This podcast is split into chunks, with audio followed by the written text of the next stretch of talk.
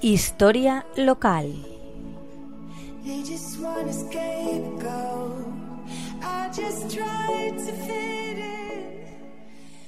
Buenas tardes, amigos de la Tegua Radio. Hoy vamos a hablar de un paraje que limita con el término de Monóvar por el norte, a unos 13 kilómetros. Se trata de la laguna de Salinas. Esta laguna se encuentra en una cuenca endorreica, en cuyo fondo está situada. Está rodeada por las sierras de Cabreras, la Umbría y la Solana, que vierten sus aguas en ella, por los diversos barrancos y ramblas, aunque debido a la escasez de lluvias está seca la mayor parte del año. Aunque ha ido disminuyendo, Antaño su superficie era mayor de las 300 hectáreas que tiene actualmente y muchos años atrás, durante una gran crecida, llegó a inundar el pueblo de Salinas.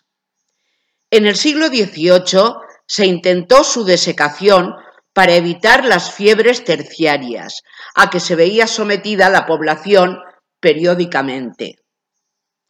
Su suelo tiene una gran salinidad, por lo que la vegetación es la típica de los saladares.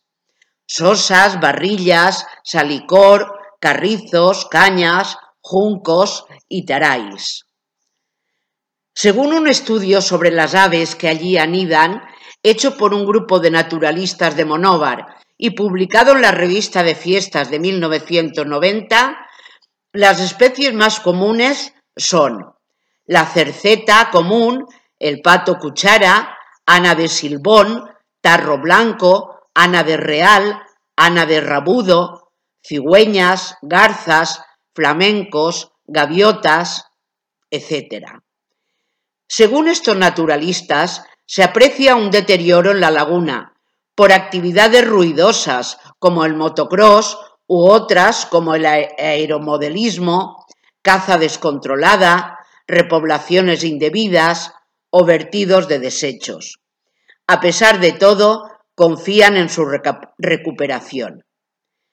A la expulsión de los moriscos en 1609, Salinas contaba con unas 40 casas, que eran más o menos 200 habitantes, quedando entonces casi totalmente despoblada. En 1794 tenía unos 80 vecinos.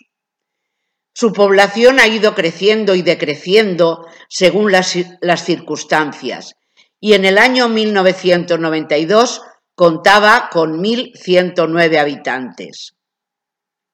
En el casco urbano de este pueblo está la parroquia iniciada en el siglo XVIII y más alejada la ermita de San Isidro Labrador. Sus fiestas patronales son en enero, en honor a San Antonio Abad y el, último domingo de mayo a la Virgen del Rosario. Pues este es, amigos y amigas, el paraje de la Laguna de Salinas, muy peculiar y con un entorno diferente. Os recomiendo un paseo por el mismo. Hasta la semana que viene, un saludo muy cordial.